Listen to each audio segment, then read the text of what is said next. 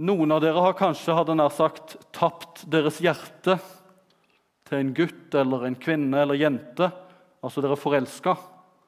Og da vet dere at på en måte så er hjertet deres eller tankelivet eller hva hvordan du vil uttrykke det, det er på en måte et litt annet sted enn enn her på et vis. Jeg tror vi forstår litt av dette med noe som er viktig for oss, å ha hjertet et sted. For i det vi etter hvert skal lese fra Jesu ord, så snakker han om at der hvor din skatt er, der vil også ditt hjerte være. For meg så er også noe av hjertet mitt i det som har med forkynnelse å gjøre. Dele ut de gode nyhetene om Jesus, og det er det jeg får lov til å gjøre her. Eh, det ble nevnt her at dere har Guds ord i sentrum, ordet i sentrum. I det siste så har jeg tenkt litt på det Jesus, nei, Paulus sier til kolosserne, at oppfordrer de til å la Kristi ord bo rikelig blant dere. Eh, Kristi ord det kan bety både ord om Jesus Kristus, men også ord av Jesus Kristus. Snart skal vi høre ord av Jesus. La det bo rikelig blant dere, sier Paulus. Og Hvis vi tenker på det at på den tiden, når Paulus skrev det, når de, det brevet ble sendt og lest opp første gang i Kolossæ, så hadde de ikke bibler sånn som uh, vi har her, uh, på denne måten, uh, som de kunne slå opp i. De hadde iallfall ikke personlige bibler rundt omkring i hjemmene. De hadde kanskje en skriftrull fra Gamle testamentet som de kunne lese fra i forsamlingen. Og så fikk de brever fra apostlene, og etter hvert evangeliene begynte å bli sendt rundt omkring og lest fra evangeliene, og bl.a. fra Matteus 6, som vi skal høre fra. Og Da måtte de lytte oppmerksomt når de var der. Og de måtte også prøve å sagt, lære det utenat, sånn at de kunne bære det med seg. For de hadde, ikke, de hadde det ikke sånn som vi på en app. eller Vi i dag vi har kanskje flere bibler per hode. Jeg vil tippe at mange her har ikke bare én bibel.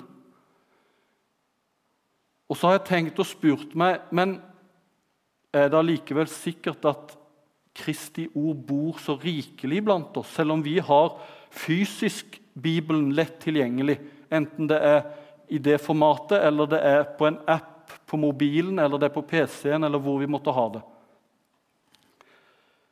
Jeg tror kanskje at vi trenger å ta til oss og reflektere over hvordan kan vi la Kristi ord bo rikelig iblant oss og i våre liv? Eh, så jeg, jeg, har på en måte nå innledningsvis en oppfordring til å lære litt mer utenat. For jeg tror vi, hjernen vår vil si, Jeg kan dokumentere fra en bok at hjernen vår har mulighet til å lære ganske mye utenat hvis vi setter inn på det. En Ben Pridmore han kunne lære utenat rekkefølgen i en grundig stokket kortstokk på 32 sekunder.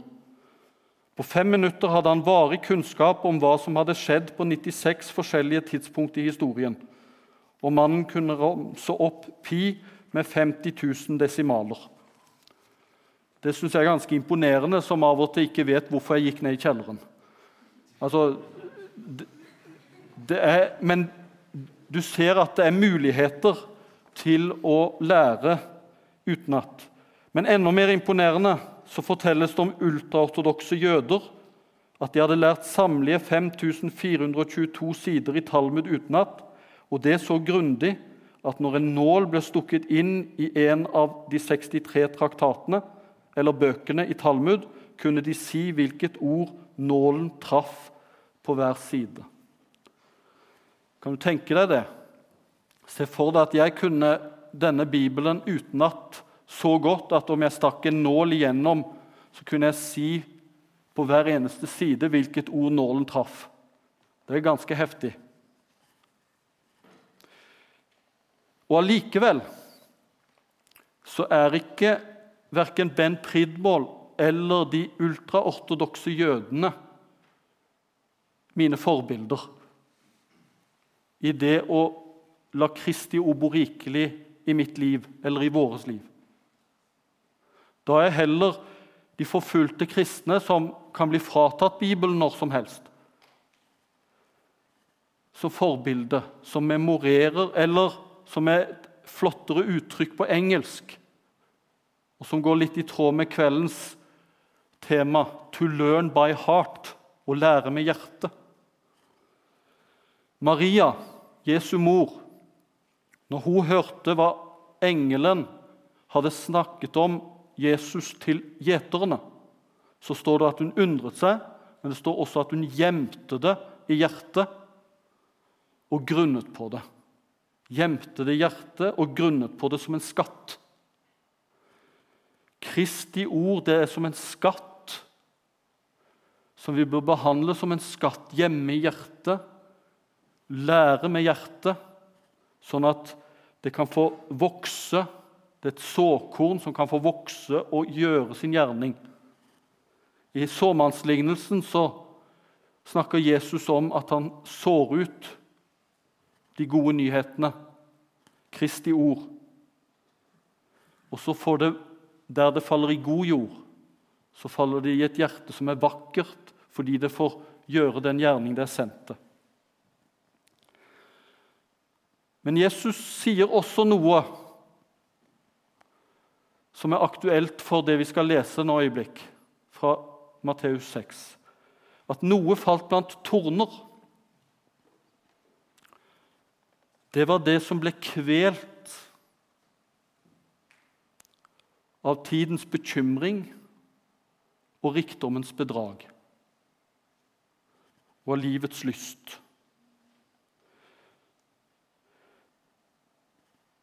Skal vi be. Takk, Herre Jesus, for at du er en fantastisk frelser. Og takk for at du har noe på hjertet og vil tale fra ditt hjerte til våre hjerter. Må du åpne våre hjerter, våre ører, så vi får et lydhørt hjerte, så vi tar imot det i et vakkert hjerte, så du kan få gjøre den gjerning du hadde tenkt med det. La oss få lytte oss inn i det som ligger deg på hjertet. Amen.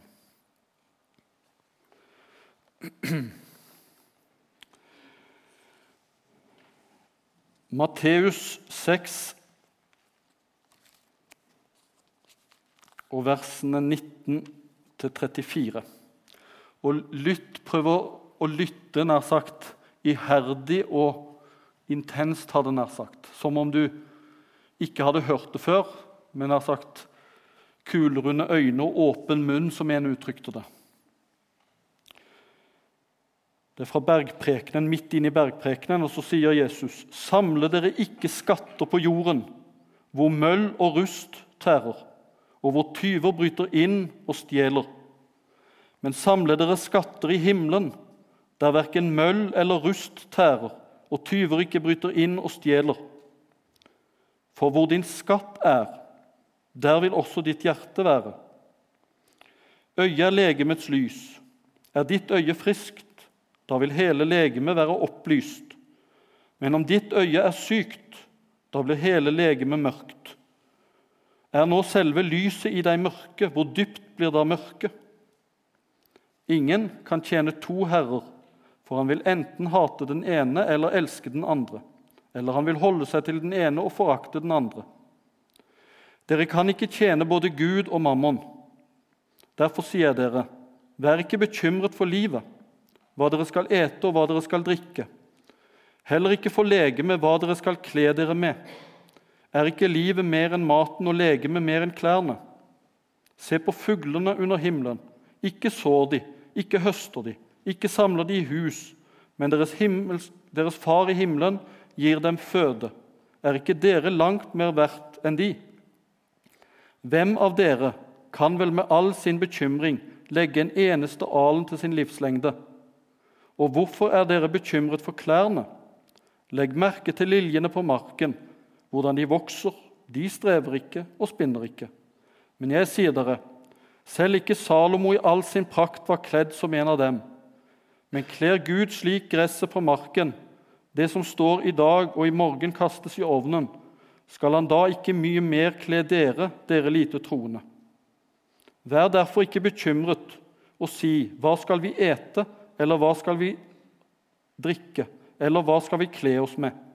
For alt slikt søker hedningene etter, men deres himmelske Far vet at dere trenger alt dette.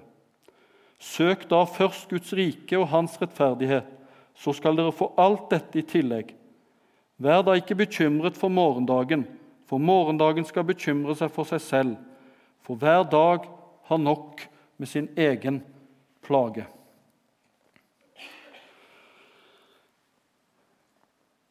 Jesus inviterer oss til å ha vår dypeste forankring hos Han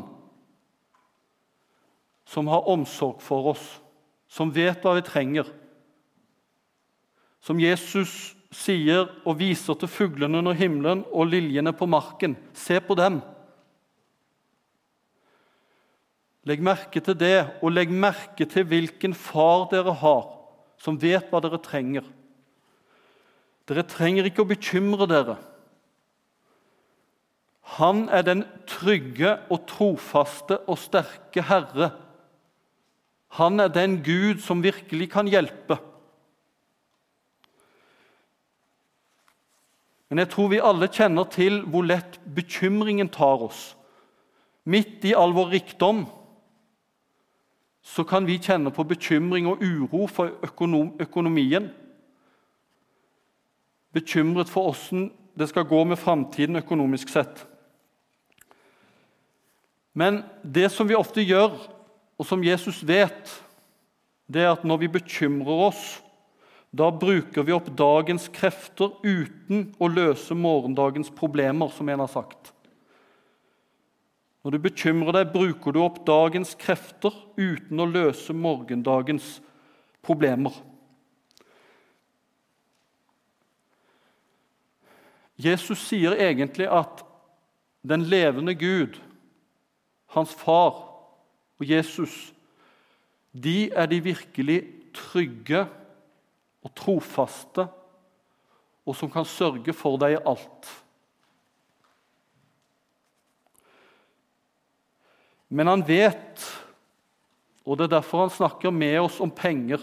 Jesus snakket veldig mye om penger, om rikdom, om makt, om mammon. Faktisk så sier de som har studert at faktisk så snakker ikke Jesus om andre ting mer enn penger. Det er det han snakker mest om, hvis du iallfall teller opp, så å si. For Jesus ser en fare for oss at hjertet vårt Og da er vi på hjertespråket igjen. Hjertelaget. Hjertet vårt henger så fort fast med rikdommen, med det materielle, med mammon, som egentlig Jesus snakker som en gud, som en avgud.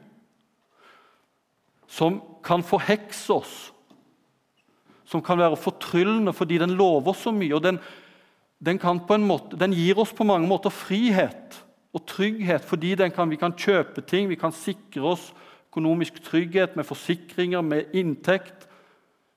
Det er det som kan gjøre at vi kan få reise til Syden, eller Ja, det gir på en måte Den lokker med frihet og trygghet.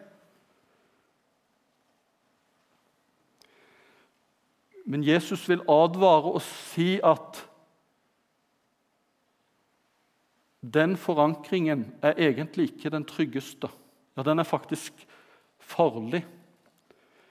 Der hvor din skatt er, vil også ditt hjerte være. Litt om Bibelens kroppsspråk, så å si. Her snakker han både om hjertet Hjertet som henger fast ved enten rikdom eller ved Gud. Han snakker om øyet som har et klart blikk, eller som ser sånn at han har sagt du har åndelig dømmekraft hvis du ser klart, har det rette fokuset. Eh, for Bibelens kroppsspråk er litt annerledes enn eh, Her har jeg en bok om hjertet, en kulturhistorie. Jeg skal ikke gjengi mye fra den, men det som er interessant, er at hjerte det er et begrep som brukes i hele kulturhistorien. Eh, og det veksler litt hva som legges i hjertet i mennesket, altså sånn i overført betydning. Én ting er når det snakkes om blodpumpa, som på en måte livet går ut ifra rent fysisk. Men opp gjennom historien så har det vært forskjellige bilder hjertet har stått for. Og I mer moderne historie så har det vært mer den romantiske, altså følelsene, kjærligheten, som hjertet er blitt forbundet med. Og Selv om Bibelens språk om hjertet ikke er fremmed for det, så er egentlig hjertet i Bibelen det er senteret for din personlighet, for din vilje, for ditt intellekt og også dine følelser. Egentlig for hele din kjernepersonlighet, så å si. Faktisk så I Bibelen, når det brukes andre kroppsspråk om følelsene For Bibelen er veldig sånn, egentlig veldig kroppslig. Den er ikke så åndelig som vi av og til tror. Når den snakker om følelser, så brukes når f.eks. Jesus Det står om han at han fikk medynk eller medfølelse for folket. Den der følelsen der da er det innvollene hans som velter seg i han. Altså, og I Gamle Testamentet så er det nyrene gjerne av og til som knyttes til følelsene. Men i Bibelen så er altså hjertet, hjertet ditt det er personligheten, senteret ditt, for både intellekt, vilje og følelser. Og Når Jesus da begynner å snakke med oss om hvor vi har så å si hjertet hen, så går det dypere enn det som jeg snakket om at jeg har hjertet mitt i Zambia, selv om vi er på sporet av noe, for det er noe som er viktig for oss. Men når Jesus snakker om hvor din skatt er, der vil hjertet ditt være, så går det på hvem som er din Gud, hvem du setter din lit til, hvem du har din trygghet i, hvem du har din grunnleggende forankring i livet i, som du stoler på og som du faller tilbake på når det røyner på i livet. Og Det er da Jesus advarer og sier at mammon han er ingen god herre å satse på. Han er en som vil tyne deg for livet. Blant annet sånn som Jesus sier i lignelsen det gode såkornet som ble kvalt av rikdommens bedrag og bekymringen, tidens bekymring. Og Jeg tror det er høyaktuelt i det rike Norge. Og vi er steinrike. Jesus advarer mot rikdommen. Og så sier han at hjertet vårt ikke må henge med den. I ordspråkene 4, 23 så står det 'bevar ditt hjerte framfor alt du bevarer', for livet går ut fra det. Det er verdt å vokte hjertelivet. Anerkjenn ditt indre liv, og da mer enn dine følelser. Også dine følelser, men også ditt intellekt, din vilje, og særlig relatert til det som har med Gud, meningen med livet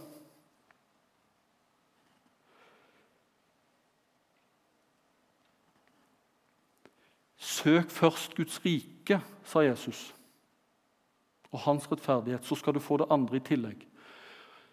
Salomo var en figur i Det gamle testamentet som var en konge som var steinrik. Og han ble enda rikere. Han fikk en gang spørsmål fra Gud om hva han ville ønske seg. Og Da ønsket han seg et lydhørt hjerte til å kunne skjelne mellom rett og galt for å dømme folket som god konge. Og Gud satte pris på at han tenkte på hjertelivet. Og så fikk han i tillegg rikdom.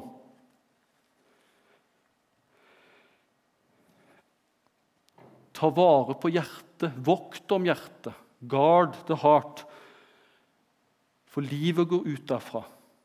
Men også handlingene dine styres av hjertelivet. Og det vil bestemmes også hvem hjertet ditt henger fast ved, hvor skatten din er.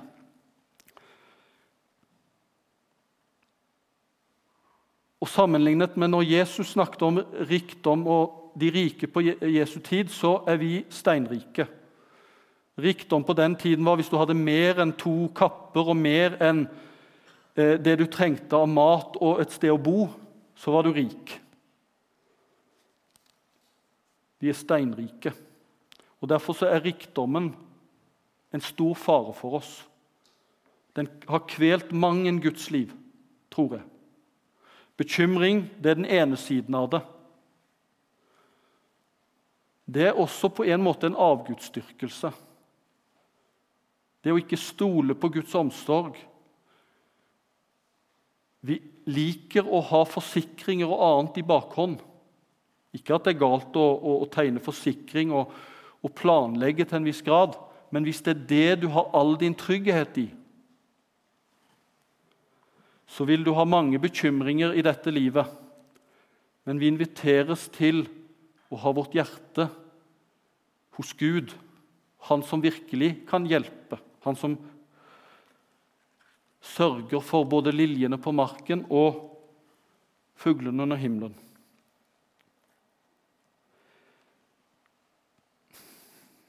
Samle dere ikke skatter, sier Jesus, på jorden hvor møll og rust tærer, hvor tyver bryter inn og stjeler.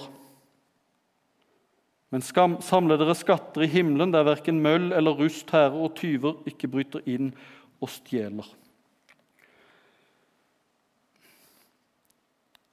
Samle dere ikke skatter Altså, det varer ikke lenge. Altså, Ole Paus har sagt det sånn at vi i Norge vi har alt, men det er også alt vi har. Jeg tror vi skjønner litt hva han legger i det. Det er mer enn klærne og maten når det gjelder livet, sier Jesus. Mens vi vi hamstrer. Jeg har lest en Paul Otto Brunstad han sier om oss eh, i vår tid Vi hamstrer hele tiden, samler frenetisk, som om det lå en kald og hard vinter foran oss. Forskjellen mellom oss og hamsteren er at det for oss aldri kommer noen vinter. Mens hamsteren en dag kjenner at vinteren er i anmarsj og derfor trekker seg tilbake til et rolig dvaleliv for å nyte det den har samlet. Vi derimot hamstrer videre. Det kommer aldri til noe brudd, til overgang eller veksling. Det blir en evig høst der en høster hele tiden. Tiden til å nyte godene en har slitt for å samle, er det mindre av. Rommet for ettertanke og ro er borte. Derfor blir det heller ingen takknemlighet, ingen glede over det som er samlet. Hamsteren ligger godt og varmt i sin lune hule og nyter fruktene av sitt arbeid. Menneskene derimot må hele tiden ut for å kjøpe nye ting, for like fort å glemme det så snart det er anskaffet. Bak denne bulemiske konsumeringen, som aldri gir rom for hvile for brudd for en annen tid, ligger den tapte rytmen, den tapte tiden da det fantes veksling mellom arbeid og hvile, mellom det å samle og det å nyte, mellom hverdag og og fest. Vi jager etter mer. Skal ha, skal ha, han har sagt. Mye vil ha mer. Og Det som er med mammon, det som er med rikdom, det er som å drikke, som en del har sagt, sjøvann. Du blir bare tørstere jo mer du drikker. Og det er en ulykke at vi samler og hamstrer og setter vår lit til den usikre rikdommen. I 1. Timoteus brev 6 så sier Paulus i vers 17 Ja, det var feil sted. Der, ja. Du skal pålegge dem som er rike i denne verden, at de ikke skal være overmodige, og heller ikke skal de sette sitt håp til den usikre rikdommen, men til Gud, Han som rikelig gir oss alle ting til vårt bruk. Og jeg ser at Det er treffende, det som står i den oversettelsen dere ser på veggen her. For dette vi snakker om, det betyr ikke at vi ikke skal bruke penger, at vi ikke skal være takknemlige for det vi har, og bruke det eller nyte det, som det står i oversettelsen. Gud gir oss rikelig av sine gaver, skapergaver. Han vil ikke at vi skal være asketer eller fattige. Han vil at vi skal både nyte de tingene vi har, med takknemlighet og glede. Men nettopp i takknemlighet til Han som kan rikelig sørge for oss. Istedenfor å sette vårt håp til den usikre rikdommen. For den er en, en Gud som ikke kan hjelpe annet enn den frihet den gir til å hamstre, eller til å til og med utnytte andre, den kjøler ned hjertet ofte hvis hjertet henger fast ved det. Vi skal bruke det, nyte det, og vi skal snart komme til hvordan vi så å si kan bryte mammons forhekselse. For Jesus han advarer mot havesyke, han advarer mot rikdom. Men hvordan kan vi bryte, så å si, mammons forhekselse? Eller hvordan kan vi, så Jesus sier, samle skatter i himmelen, der verken møll eller rust herrer? Hva er det å samle skatter i himmelen, da? Å samle skatter her, det skjønner vi, det er penger og eiendom og opplevelser, sydenturer osv. Men hva er det å samle skatter i himmelen? Er det å være på møte og høre på Kristi ord? Er det å be? Er det å vinne andre mennesker for Gud? Ja, det, det er det. Det er å ha fokus der oppe og ha hjertet, skatten, hos Kristus. Men når Jesus snakker om dette, så snakker han egentlig enda nærmere, enda mer konkret faktisk i forhold til pengene, i forhold til rikdommen som vi har fått til vår bruk og til å nyte, til å glede oss over. Og Da må vi lese en parallelltekst i Lukas 12. Nei, hva sier jeg? Jo, var det ikke Lukas 12?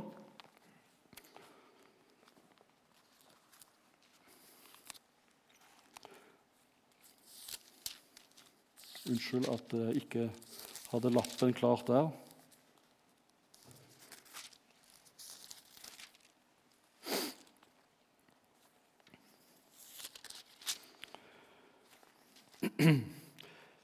Og Der sier Jesus.: Selg det dere eier, og gi det til almisser, eller som gaver til de fattige. Gjør deres pengepunger som ikke eldes. Skaff dere en uforgjengelig skatt i himmelen, der hvor ingen tyv kommer til og møll ikke tærer. For hvor din skatt er, der vil også ditt hjerte være. Der sier Jesus at du samler skatter i himmelen ved å gi bort alt du eier, til de fattige. Ved å bli gavmild, radikalt gavmild. Da bryter du forhekselsen. Og til den rike unge mannen, som det står om i Matteus 1921, så sier Jesus, 'Vil du bli helhjertet?' Altså ikke delt hjerte mellom mammon og Gud. Så selv alt du eier, og gi det til de fattige. Kom så og følg meg.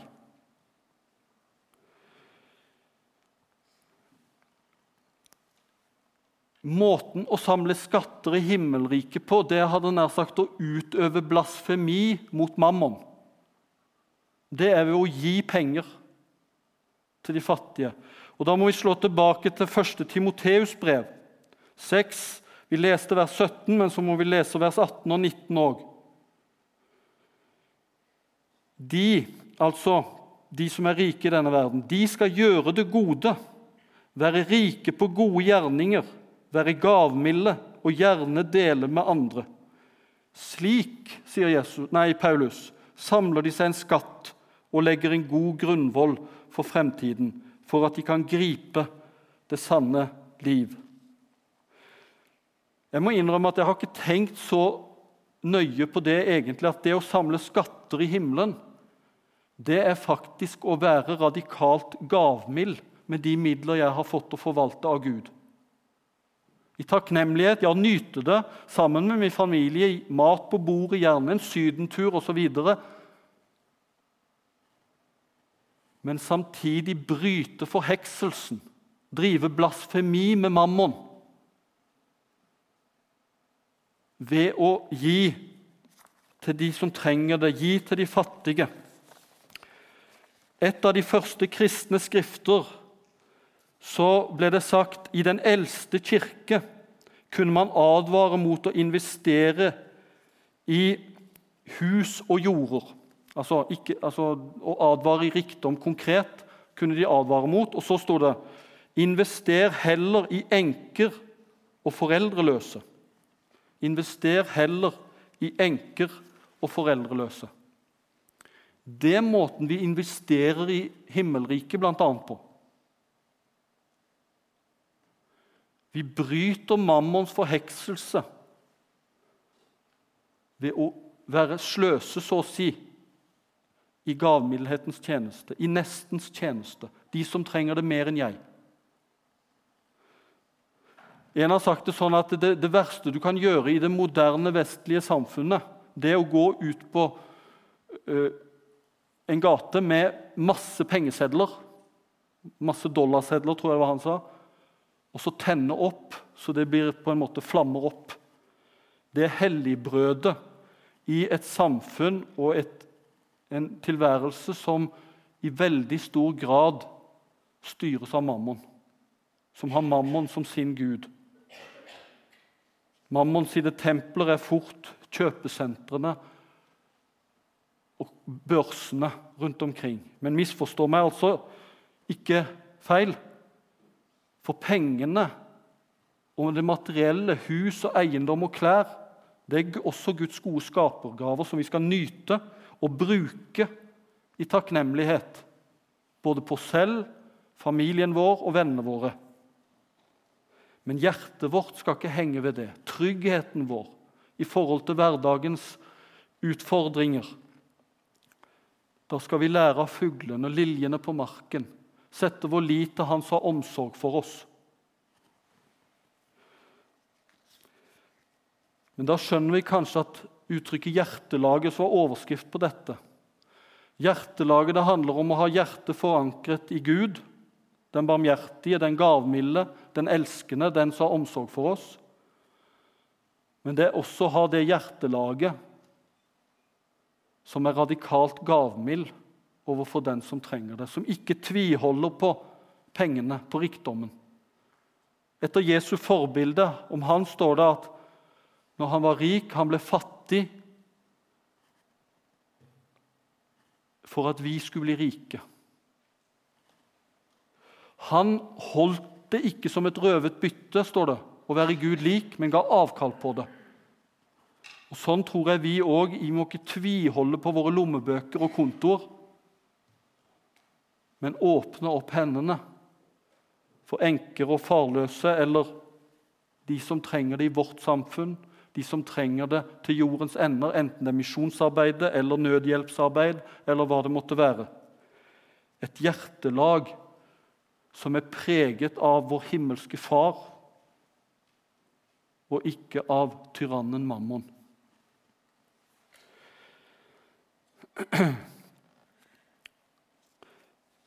I 2. Korinterbrev 6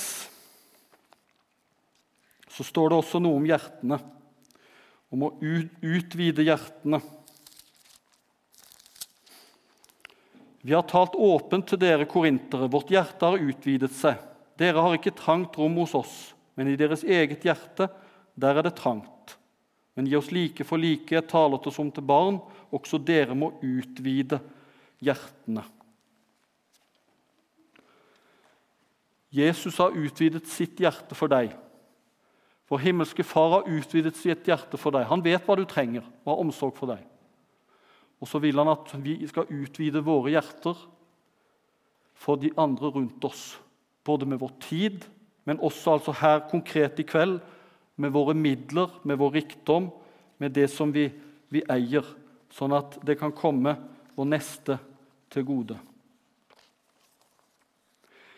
Men det tryggeste og beste er jo å søke Guds rike og hans rettferdighet først. For det er jo han som er den trygge og sterke og trofaste. Det er jo det som er med alle avguder, enten de er laga av tre eller bronse eller gull, som i gammel tid. De kunne ikke hjelpe, de kunne ikke tale, de kan ikke høre. Eller det er mammon, som rett nok kan gi frihet og muligheter. Men den er allikevel en tyrann eller det frihåndstegnede gudebilder. Slik er min Gud, sier mange. Jeg vil ikke ha den guden eller den guden eller sånn. Og så frihåndstegner en Gud i sitt bilde. Slik vil jeg ha han. En sånn Gud kan heller ikke hjelpe. Men den Gud som virkelig kan hjelpe, det er Jesu Kristi far. Det er vår Herre Jesus Kristus. Og Derfor så er det beste for oss når Jesus inviterer oss til å søke Hans rike først, så er det jo nettopp fordi Han vil oss vel. Søk først Guds rike og Hans rettferdighet. Så skal dere få alt det andre i tillegg. Da er vi i Hans omsorg. Søren Kirkegård til slutt, eller mot slutten her nå, han har skrevet det på sin måte. Søk først Guds rike og Hans rettferdighet. Hva betyr dette? Hva bør jeg gjøre? Eller hva slags anstrengelser kan sies å være å søke eller jage etter Guds rike? Skal jeg forsøke å skaffe meg et arbeid som passer mine gaver og muligheter, for gjennom det å øve innflytelse? Nei, først skal du søke Guds rike. Skal jeg da gi alt jeg eier, til de fattige? Nei, du skal søke Guds rike først. Skal jeg da gå ut og forkynne Hans lære for verden? Nei, du skal søke Guds rike først. Men da er det jo på sett og vis ingenting jeg skal gjøre. Ja visst, på sett og vis er det ingenting det er å bli ingenting innenfor Gud og lære seg å være stille. I den stillheten ligger begynnelsen, hvilket er først å søke Guds rike. Ditt og mitt kall er sånn som Jesus sa til disiplene.: Følg meg. Det er ditt kall. Kom til meg, så vil jeg gjøre dere til menneskefiskere. Så vil jeg åpne hjertene deres, åpne pengebøkene deres. Kom til meg som er den trygge, den trofaste, den sterke. Som sørger for himlene under himmelen og liljene på marken, og kler dem mer enn Salomo og all verdens rike. Det er en nydelig invitasjon egentlig fra Jesus. For vi har en vidunderlig far som vet hva vi trenger. Følg ham, kom til han, så vil han både sørge for deg, og så vil han også åpne både hjerte, hjertet ditt utvide hjertet ditt, åpne hendene dine, kontoen og lommebøkene for de neste. Skal vi be til slutt. Takk, Herre Jesus, for at du har invitert oss inn i ditt rike. At du har invitert oss til å la hjertet vårt forankre seg i den trygge far som vet hva vi trenger, og har omsorg for oss i alle ting. Og så ser du hvor lett vi blir bekymra, hvor lett vi blir forhekset og forblindet av mammon. Må du bryte forhekselsen i våre liv, sånn at vi både kan kjenne på tryggheten, men også få eie noe av din radikale gavmildhet. Må du velsigne hver enkelt her inne til det, i ditt eget fantastiske frelsernavn. Amen.